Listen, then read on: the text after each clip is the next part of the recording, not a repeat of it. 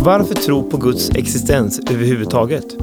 Ja, trots allt vad som påstås inom de vetenskapliga teorierna kring evolutionsteorin och Big Bang så är fortfarande frågan om livets uppkomst före allt detta ett stort mysterium. För utan en skapande allsmäktig Gud så går inte ekvationen ihop. Ingen har någonsin lyckats förklara, än mindre återskapa, den första levande cellens uppkomst.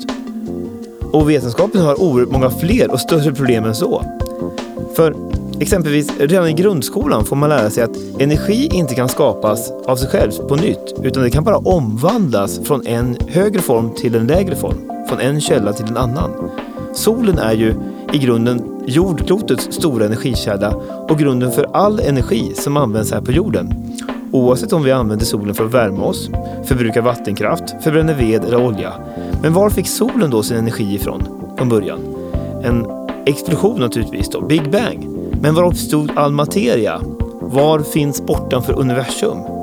Kan allting uppstå ingenting? Och än mer, hur uppstod tiden? Och vad fanns före tiden? Allt det här förstår inte vi i våra begränsade hjärnor. Men Albert Einstein, han kunde matematiskt rent av förklara Guds existens som varande en kraft som verkade utanför systemet av tid, rum och materia och de tre dimensionerna.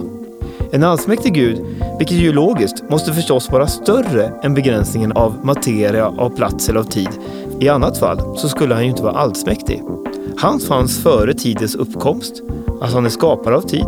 Han är skapare av allt vi ser och rör oss i, men han är inte själv en del av det. Skulle han vara en del av det, då skulle han ju vara materiell och då skulle han ju vara begränsad. Det kan inte heller vara en allsmäktig Gud. Det strider mot allt logiskt förnuft. Det förnuft som ju Gud skapar oss med.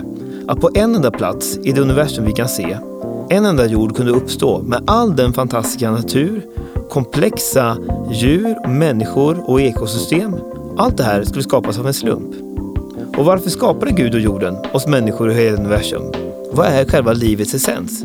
Jo, svaret finns faktiskt i oss själva. I Bibeln, den kristna Bibeln, står det att Gud skapade oss människor till sin avbild.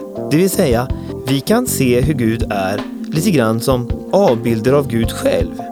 Oftast så är ju det som någon skapar, en arkitekt exempelvis, lite grann avspeglar skaparen i karaktär och idétänk. Och vi liknar ju våra föräldrar ofta i det sätt vi är och hur vi ser ut. Så vi kan se att vi är lite grann som Gud i hans karaktär. Och vi människor vill ju skapa. Vi vill älska andra och vi vill själva bli älskade. Och allt det här har vi fått från Gud, för han är på samma sätt. Att leva ensam på en bergstopp och aldrig träffa någon eller skapa något vore ett totalt meningslöst liv och ju ingen vill ha. Vi föds ju med en längtan efter kreativitet och efter att älska. Gud älskar dig och söker kontakt med dig. Det är själva livets mening. Att vi ska älska Gud tillbaka och hitta honom som först älskade oss.